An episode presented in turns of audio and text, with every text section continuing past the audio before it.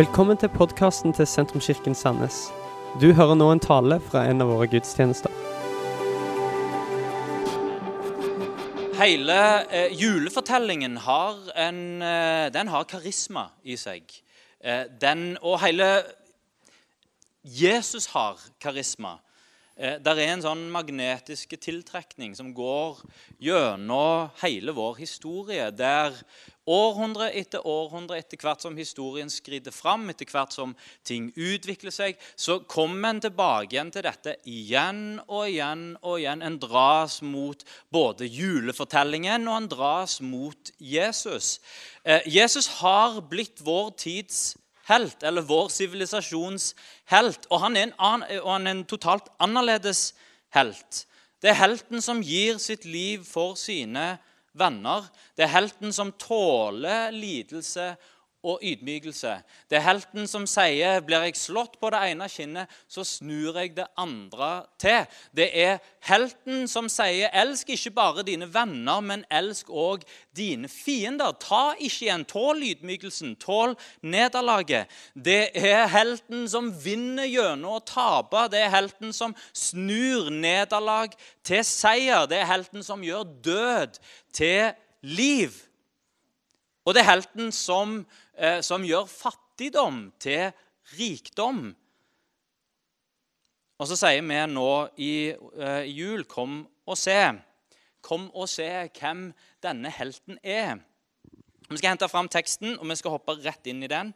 Eh, og Den er fra eh, Matteus 2, eh, og fra, helt fra begynnelsen her, fra vers 1 og videre ned til og med vers 12.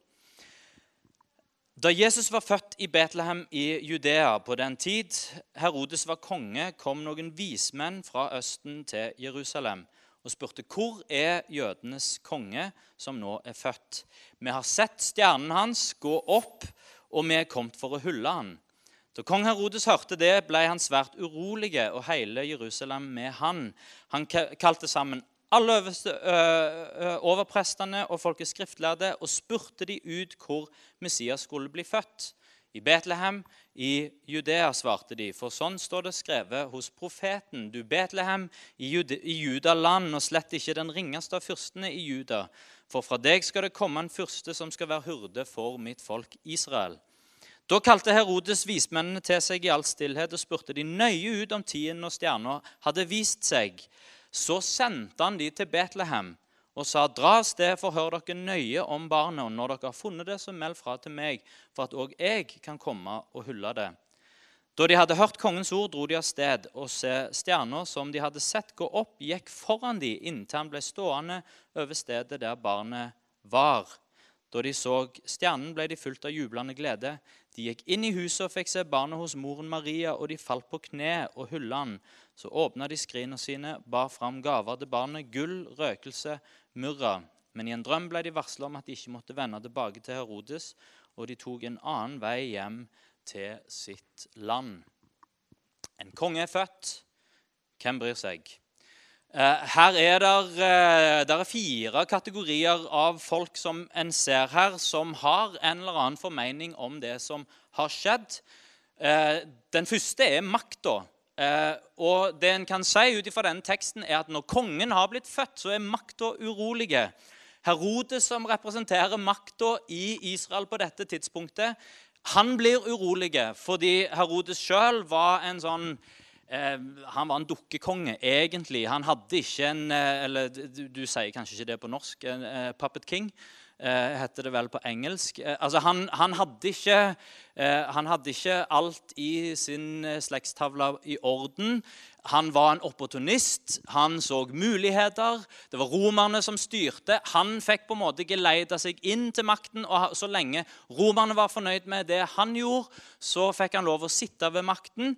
Eh, og han var opptatt av å holde seg sjøl på tronen og var vel kanskje eh, først og fremst opptatt av seg sjøl. Han ble urolig når han hørte der er en konge som er, eh, som, som er født. Kanskje får ikke lov å være eh, eh, å være i fred lenger hvis det er en konge som folket vil følge.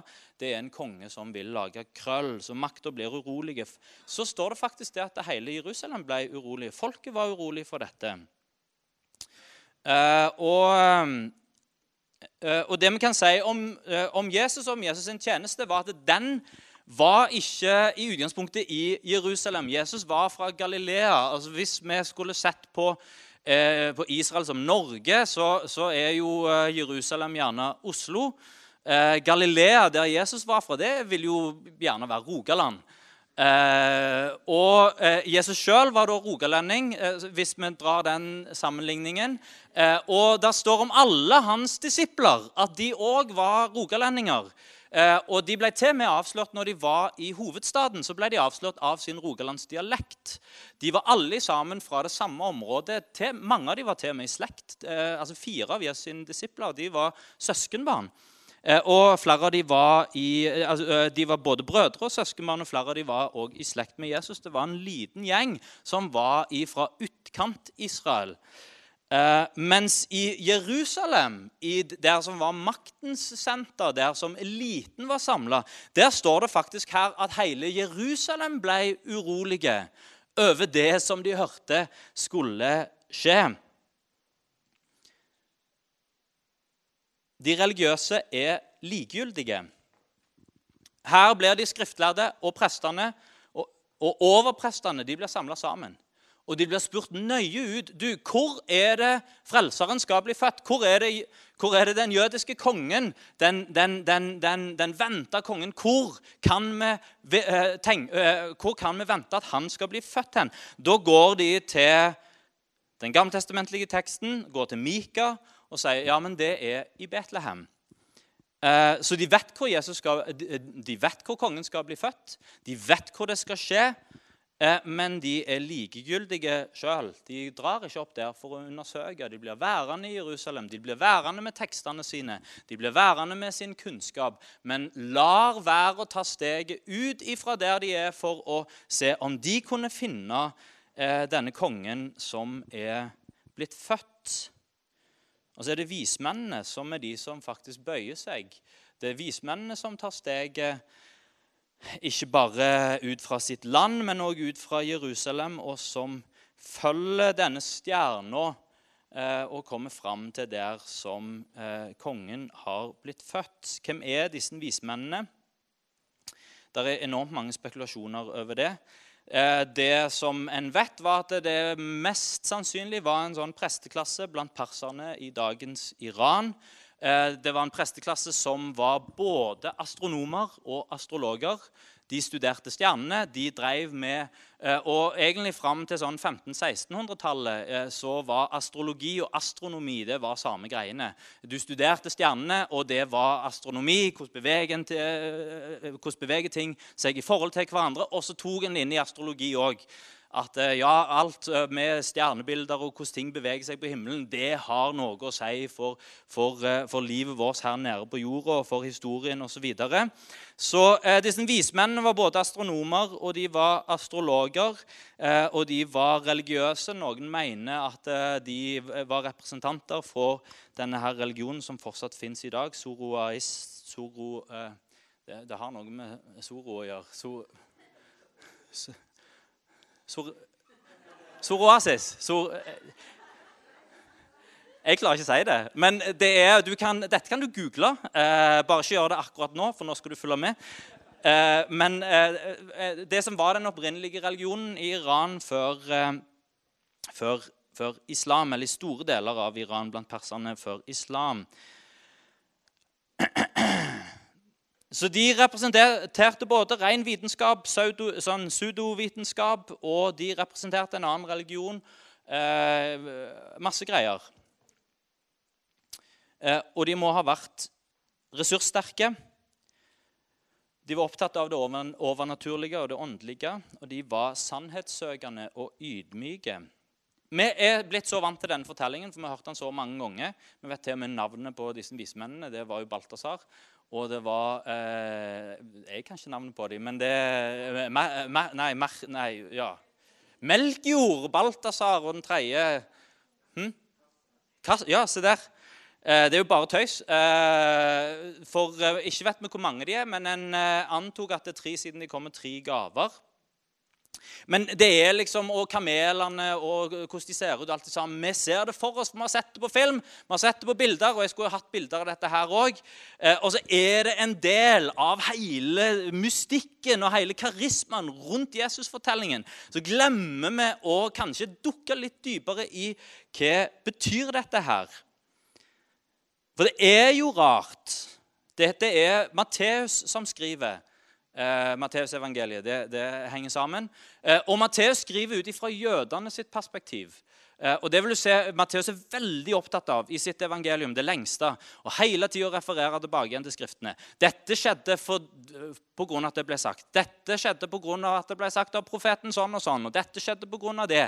Og er opptatt av Jesus som jødenes konge. Og det er jo interessant av, eh, at Matteus, som er så opptatt av dette, legger vekt på i sin fortelling om når Jesus blir født, at de som kommer for å hylle Jesus, er ikke de skriftlærde. Ikke overpresten, ikke de som satt med teksten og som visste der Han kommer til Betlehem. Eh, de satt trygt i sine, eh, i sine, studierom i Jerusalem. Eliten i Jerusalem, der hele den, den, den, den jødiske gudsdyrkelsen den fungerte og var sentrert rundt tempelet i Jerusalem. Det var derfor Jerusalem eksisterte som dette, ja, ikke bare som det, som kongens stad, men òg som plassen hvor en kommer for å tilbe. Men det var ikke disse menneskene som tok steget ut av Jerusalem for å gå og hylle den nye kongen. Hvem var det som gjorde det? Det var mennesker som kom fra en totalt annen religion, fra en totalt annen kultur, med en helt annen tradisjon, med en helt annen forståelse av hvem Gud er, med en helt annen eh, forståelse av hva spiritualitet og åndelighet er. Er det ikke rart at det er disse menneskene som kommer for å bøye seg for å hylle Jesus? Og Jeg har lyst til å hente fram noen ting som eh, Og det jeg håper med denne prekenen her, er egentlig å, å få oss til å tenke. Det er å få oss til å åpne sinnet vårt. Og få oss til å åpne vårt hjerte. At vi ikke er som disse eh, skriftlærde som kan med hodet vårt teorien, og som vet med hodet vårt om Jesus sin fødsel, og som kan alt fordi vi har hørt om det og lest om det, men som kanskje lar være å ta det steget. Og at vi kan veilede disse menneskene fra andre tradisjoner og andre bakgrunner. Det som er mitt første poeng her, er at det fins veier til Jesus fra vitenskapen. Sann vitenskap leder mennesker til Gud. Det har jeg lyst til å si igjen. Sann vitenskap leder mennesker til Gud. For sann sannhet kommer fra Gud. All sannhet er Guds sannhet. Alt som vi oppdager som er sant, det er det Gud som har satt der. Hans ord er sant. All vitenskap som leder oss fram til sann sannhet, leder fram til Gud. Det er et falskt skille i vår tid mellom tro og vitenskap. Det er en falsk påstand i vår tid at Kirka er vitenskapens fiende og historisk alltid har vært vitenskapens fiende. Eh, det er jo, Når du begynner å lese historie, så er jo det, det er jo irriterende. For det er jo, en ser jo at sann vitenskap er født ut fra Kirka og kristen tro. Eh, prøv, Si navnet på én person som har grunnlagt en vitenskapsgrein i den moderne vitenskap, som ikke hadde en bibelsk kristen tro. Eh, eh, der er sikkert noen, eh, for dette har ikke jeg studert i. Eh, men du kan google det fram til dette òg. Det er ikke veldig mange. Eh, der er kanskje noen der, men de aller, aller, aller, aller fleste Vet du ikke, eh, de, de, Flesteparten av de første vitenskapsmenn de var ikke bare vitenskapsmenn, men de var, veldig mange av dem var munker og nonner. Eh, eller de var prester og teologer. De arbeidet ikke bare eh, eh, med naturvitenskap og med forskning, men de jobbet òg med forkynnelse og med, med, tekstene. Og de jobbet med filosofi òg. Og ut ifra dette er det, ut ifra kristen tro, ut ifra teologi og ut ifra læren om Gud og en rett forståelse av hvem Gud er, så kommer sann vitenskap. Det er en trist realitet i vår tid at manglende kobling mellom tro og vitenskap er en avgjørende grunn for mange som er mellom 18 og 25, at en forlater kirka fordi en klarer ikke å forene det som en hører i kirka, med det som en hører på universitetet sitt, med det som en eh, lærer når en leser. Så blir det, bare, det blir vanskelig å forene troen på Gud med det som en hører fra sin høyskole. En klarer ikke å forene det studiene sier, med det Bibelen sier. Noen kristne blir redd for å lese Bibelen når en begynner å studere litt dypere. For en er redd for at det en oppdager når en leser Bibelen, skal, eh, ikke skal stemme overens med det som en lærer gjennom sitt studie. Andre kristne er redd for å studere av frykt for at studiene, studiene skal lede bort ifra troen. Jeg ønsker meg ei kirke som ikke er antivitenskapelige. Og Dessverre har det prega mye av vår eh, bevegelsen som er en del av, pinsebevegelsen. Det har tatt pinsebevegelsen over 100 år å få på plass sin egen høyskole. Eh, nå er jo den på plass, og, men eh, som alle gode pinsekarismatikere, når en først gjør noe, så gjør en det veldig skikkelig og tenker nå skal vi innta hele den, den akademiske eh, verden. Og den høyskolen den vokser og vokser og vokser, og det er enormt mange mennesker som tar sine studier der. Eh, så, men da eh, For i historien og i lavkirkelighet Det gjelder ikke bare i pinsekarismatiske sammenhenger. det gjelder i lavkirkeligheten også, Så er det store akademiske talenter som har latt være å ta sin utdannelse av frykt for at det, eh, ja, men kanskje vil dette lede meg vekk ifra troen. La oss huske på dette. Universitet er en kristen oppfinnelse. Universitetene i Europa, De gamle universitetene i Europa de kom ut fra klosterbevegelsen. Husk at utdannelsen av folket i vår del av verden starta lenge før opplysningstida. Det er ikke et opplysningstidsprosjekt. Det er et kristent prosjekt å gi utdannelse til folket. Det har pågått i snart 1000 år. Og At vitenskap har oppstått i universitetene, klostrene og kirkemiljøene. La oss ikke være redd for utdannelse. Det kommer ikke til å ta knekken på troa di. Vitenskap kommer ikke til å ta knekken på din tro. For vitenskap hjelper oss fram til Gud, akkurat som disse vise mennene som studerte stjernene. Som i Det var astronomi, og det var astrologi. Men la oss ta astronomidelen, som er vitenskap den leda, Det var studiet av stjernene som leda de fram til Gud. På 1600-tallet så, eh, så eh, jeg, jeg, må bare få med denne. Eh, det er ikke sikkert det er så mange som interesserer seg for akkurat dette. Men hvis du er, der er noen, en liten håndfull, som er interessert i denne, så bruker jeg noen minutter på det. En kinesiske keiser, Den kinesiske keiseren en gang på 1600-tallet mens krangelen i Europa gikk på eh, om eh, sola går rundt jorda, eller om jorda går rundt sola, eh, så, så, så, var det i alle disse her eh, universitetsmiljøene og i kirkemiljøene så var det astronomer som drev på og så på dette. her, og Det var Galileo og det var, det var, det var forskjellige andre som var involvert. og Paven var involvert, og det er masse myter rundt dette her òg. Men det var, var, var, vitenskap i Europa som bare som bobla. Eh, og så har du den kinesiske sivilisasjonen. som var, Den var mektige og den var store. Men de fikk ikke kalenderne sine sammen. Eh, og dette var viktig for den kinesiske, eh, kinesiske keiseren. For himmellegemene og det som skjer der, når det er solformørkelse og forskjellige ting som skjer, det er så viktig. Fordi eh, alt det som skjer på himmelen, det har innflytelse på det som skjer her i jorda. Så da må vi kunne forutsi når skjer solformørkelsen, når skjer dette og når skjer dette.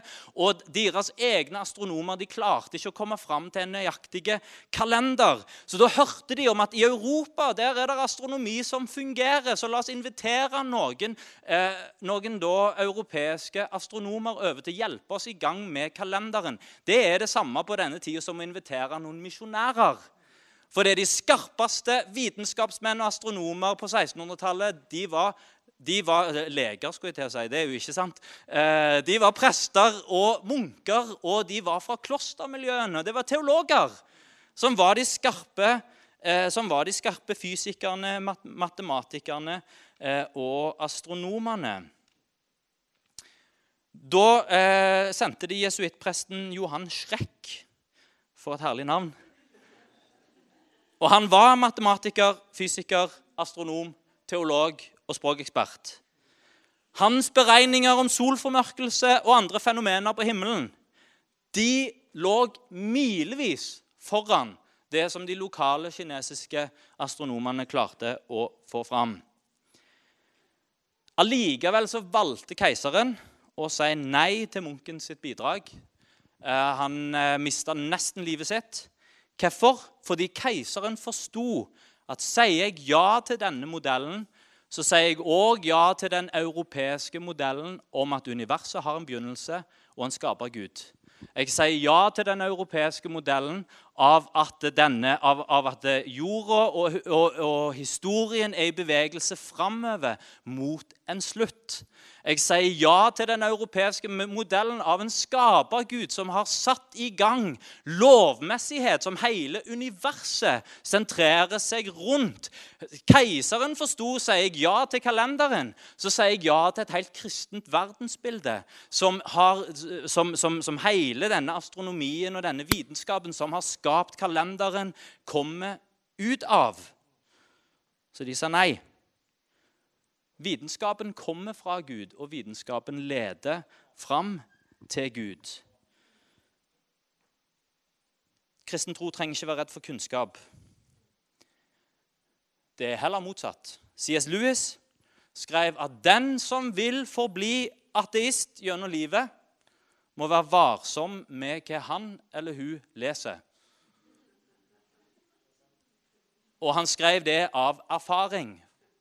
For han var sjøl en skarpe, tenkende ateist, men med et ydmykt hjerte og med en ydmykt åpent sinn.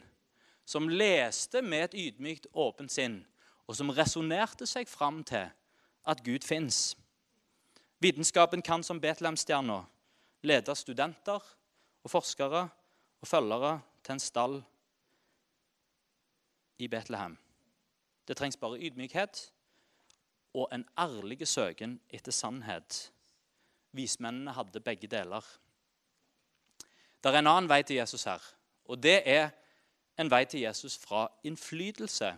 For disse vise mennene de var ikke bare astronomer, men de var òg de var òg celebriteter.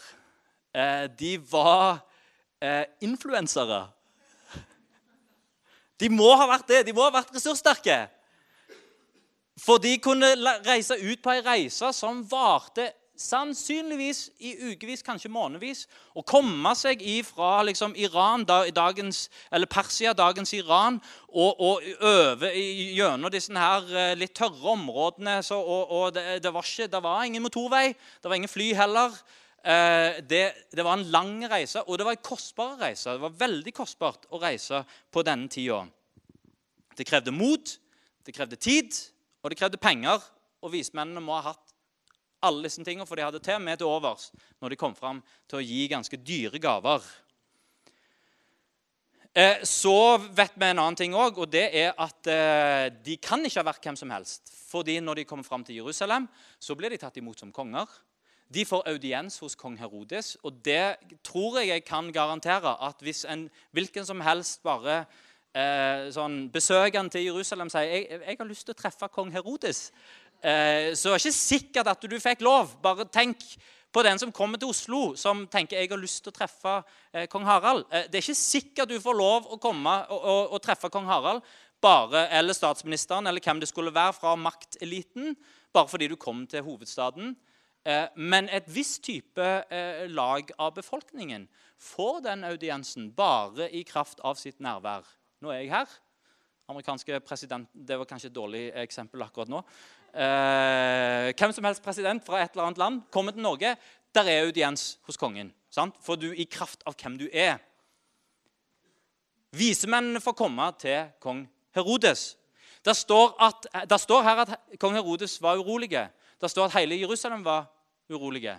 Med andre ord, Deres besøk ble lagt merke til av hele Jerusalem. De var influensere. De, eh, de, de, hadde hver sin Instagram-konto eh, som alle i Jerusalem fulgte. Eh, og det var den de faktisk tjente penger på, eh, som eh, de gjorde at de hadde råd til å reise. Eh, for de hadde så fine klær på seg, dette vet vi fra alle bildene. Og de hadde så fine kameler, og de tok bilde av seg sjøl med disse fine klærne og de fine kamelene. og alle i Jerusalem fulgte med på alt de gjorde. Hele Jerusalem hørte om deres besøk og hva de skulle. De var mektige, de var ressurssterke og hadde innflytelse. Vet du, Det er en strøm av sånne mennesker som finner veien til Jesus fortsatt. De har ikke all bakgrunnsinformasjon på plass. De har ikke kristen kultur på innsida. De kommer, de kommer, kanskje fra miljøer og tradisjoner som er ukjent med, og kanskje til og med fiendtlig innstilt overfor kristen tro. Det er idrettsstjerner, det er musikere, det er politikere, det er skuespillere, det er kunstnere. Noen er investorer og har økonomisk makt. Eh, og det er òg kongelige mennesker med makt og innflytelse. Bare følg med på The Crown. Eh, se gjerne episoden med når dronninga treffer Billy Graham. Eller episoden om månelandingen, som er nå på sesong nummer tre. Altså, her, er det, her er det uh, interessante greier om, uh, om, om, uh, om den engelske kongemakta og deres forhold til tro. Det er mennesker med ressurser og innflytelse som finner fram til Jesus. Dessverre har Kirka en tendens til å hakke ned sånne folk. og det en gjør en tenker at de ikke er hellige nok, de er ikke kristne nok. De gjør ikke det som er forventa av dem som kristne mennesker. Fordi de kommer til Jesus i godt, krist, i godt voksen alder, og så blir de skjøvet vekk. Eh, Bob Dylan, som jo veldig mange kjenner til, nå, 40 eh, år etterpå, så er det jo en del 50 eh, år etterpå nesten, så er det jo en del som ikke har fått med seg det at Bob Dylan på 70-tallet eh, han ble radikalt frelst, møtte Jesus på en sånn måte. Du hører det.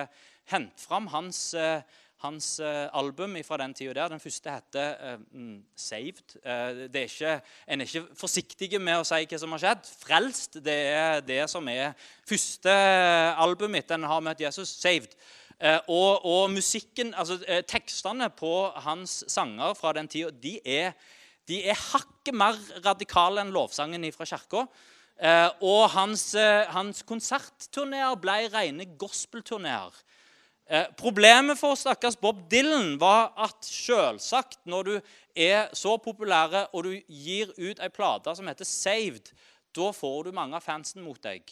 Og du får vennene dine fra miljøet får du mot deg veldig trist for Bob Dylan, som òg eh, faktisk har jødisk bakgrunn, det var at eh, For kirka var han jo ikke hellig nok. Han var ikke bra nok. Så han ble skjøvet ut i kulden av kirka òg. Så til slutt så sto han igjen der, sånn en plass midt imellom. Mista fans og mista venner. Eh, liksom Døra inn i kirka er ikke helt åpen. Eh, hva gjør jeg nå for noen ting? Og sakte, men sikkert så gled han vekk ifra sin nyfunne tro. Nå så ser vi jo at the greatest artist uh, God has put on planet Earth, uh, har jo funnet fram til kristen tro. Kan, uh, jeg kan ikke si navnet hans, men, men det, det, slutter med West, og han er gift med Kim Kardashian. Det vet jeg. Kanya West, det, det, er det han heter, Thomas. Han har hatt en sånn Andreas Masvi fra Minerva han skriver om Kanya West sin Damaskus-opplevelse. for Han har hatt en radikale han, han har sett lyset hatt en radikale omvendelse til Jesus. Det er bare å høre på hans album som heter 'Jesus is King'. Eh, det går ikke an å få det så mye tydeligere enn det. Så hører du på tekstene der, så forstår du denne mannen her har fått et møte med Jesus. Men han er ikke, han er ikke så veldig ydmyk ennå. Han er fortsatt 'the greatest artist God has put on this planet'. Og det er sikkert ting å sette fingeren på for Eh, for, eh, for hva skal si, skriftlærde eh, kristne mennesker som vet alt om hvordan det skal være.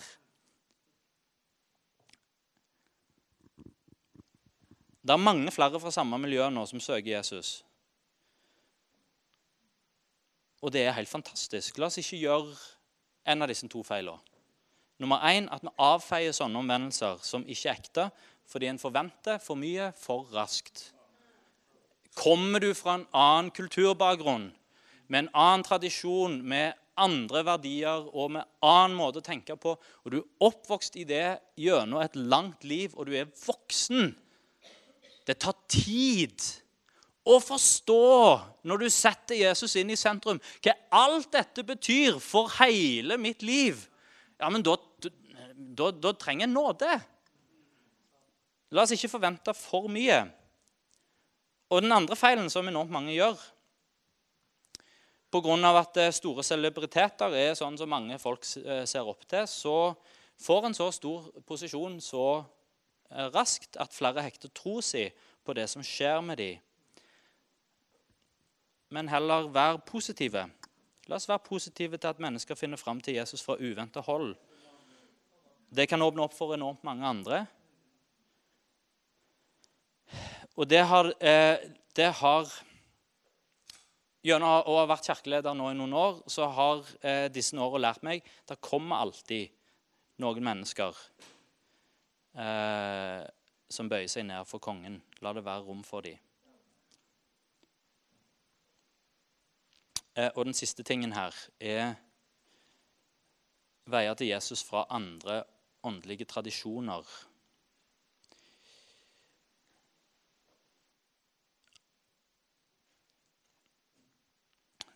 Vismennene kom fra en annen religiøs tradisjon. De hadde langt fra det gudsbildet som, eh, som jødene hadde. Og, eh, og eh, deres tradisjon var bare på en helt annen plass. Men ærlig søken kan lede til Jesus òg for mennesker fra andre religiøse tradisjoner og fra andre religioner. Vi lever i toleransens tid. Vi lærer å være tolerante overfor alt og alle. Eh, den eneste eh, det eneste som toleransen har et problem med, det er det universelle. Toleransen har et problem overfor det eh, som påberoper seg å være absolutt. Det som sier at dette er sant. Da plutselig sier toleransen ja, men da eh, må vi ta med et steg tilbake. Det vet vi ikke om vi kan tolerere. Det universelle eh, er, har en da problemer med. Og det er en utfordring for troen på Jesus. Eh, og det er kanskje det som er grunnen til at noen blir urolige når en konge er født. For Jesus sier, eh, han, han sier da faktisk at 'jeg er veien'. Jeg er sannheten.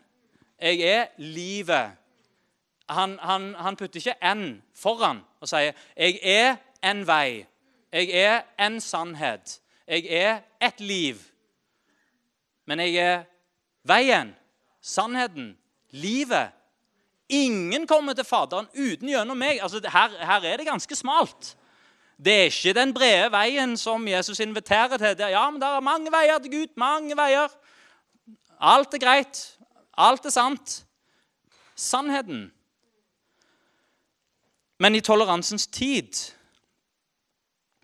så er jo det litt vanskelig. Det å se på sin egen tro som universell. For kan vi ikke så fort snakke om troen som min tro, min vei til Gud, min frelse? Sånn opplever jeg det. Og det er kanskje en rett måte å snakke på i vår tid, hvor en, hvor en skal ha respekt. En, og, og, det går an å si at noe er sant og samtidig ha respekt overfor andre som, sier, som holder noe annet for å være sant. Men en sånn, sånn feilaktig toleranse går over i relativisme, der jeg har min religion, du har din religion. Jeg har min sannhet, du har din sannhet. Da blir Jesus en av flere muligheter. Men han er selve definisjonen på sannhet. Våre venner eh, Tommy og Gunilla Naumann, som eh, svenske misjonærene Tessaloniki, altså, vi har støtta nå i 13-14 år. Og Mens jeg forteller dette, så kan egentlig bandet begynne å eh, komme opp og gjøre seg klar. De, eh, de opplever egentlig ganske mange sånne vismenn som kommer på besøk om dagen. Eh, de begynte under flyktningkrisa å gi eh, bare praktisk hjelp til eh, flyktninger fra Syria og kurdiske flyktninger, arabiske flyktninger og persiske eller iranske flyktninger. Noen fra Afghanistan òg, som da lander inn i Hellas, og som ikke Noen kommer seg videre, andre kommer ikke seg ikke videre og blir boende i flyktningleirer der nede. Eh, de, eh, og vi var jo med samle, med, samle av, en av våre største kollekter noensinne for å være med og gi de ressurser til å gi hjelp når, når flyktningkrisen starta for mange år siden. Eh, og det har de gjort på en fantastisk god måte og fått mye, mye ut av veldig lite. Men etter hvert som de da har delt ut disse teppene, de har gitt mat, de har gitt medisiner, de har brydd seg om alle disse flyktningene som de har kommet i kontakt med, så er det jo flere av de som har begynt å spørre etter. Og når de har begynt å spørre etter, så har Tommy og Gunilla og deres medarbeidere begynt å fortelle og begynt å peke på Jesus. Og så har en etter en av muslimske flyktninger sagt at de ønsker å ta imot troen på Jesus. Og det har virkelig satt seg dypt, dypt i deres liv. I løpet av de siste to åra er det, eh, det er mellom 200 og 300 muslimer som har latt seg døpe. Eh, og de har ikke bare latt seg døpe, men de har blitt med inn i bibelgrupper. Og de har blitt ivrige studenter av hva det vil si å være en etterfølger av Jesus. Tommy sier vi har ikke delt ut en traktat, vi har ikke invitert til frelse en gang. Vi har ikke en gang invitert noen til et møte. Vi har ikke gjort noen reklame på sosiale medier. Vi har ikke gjort noen ting for å komme i denne situasjonen.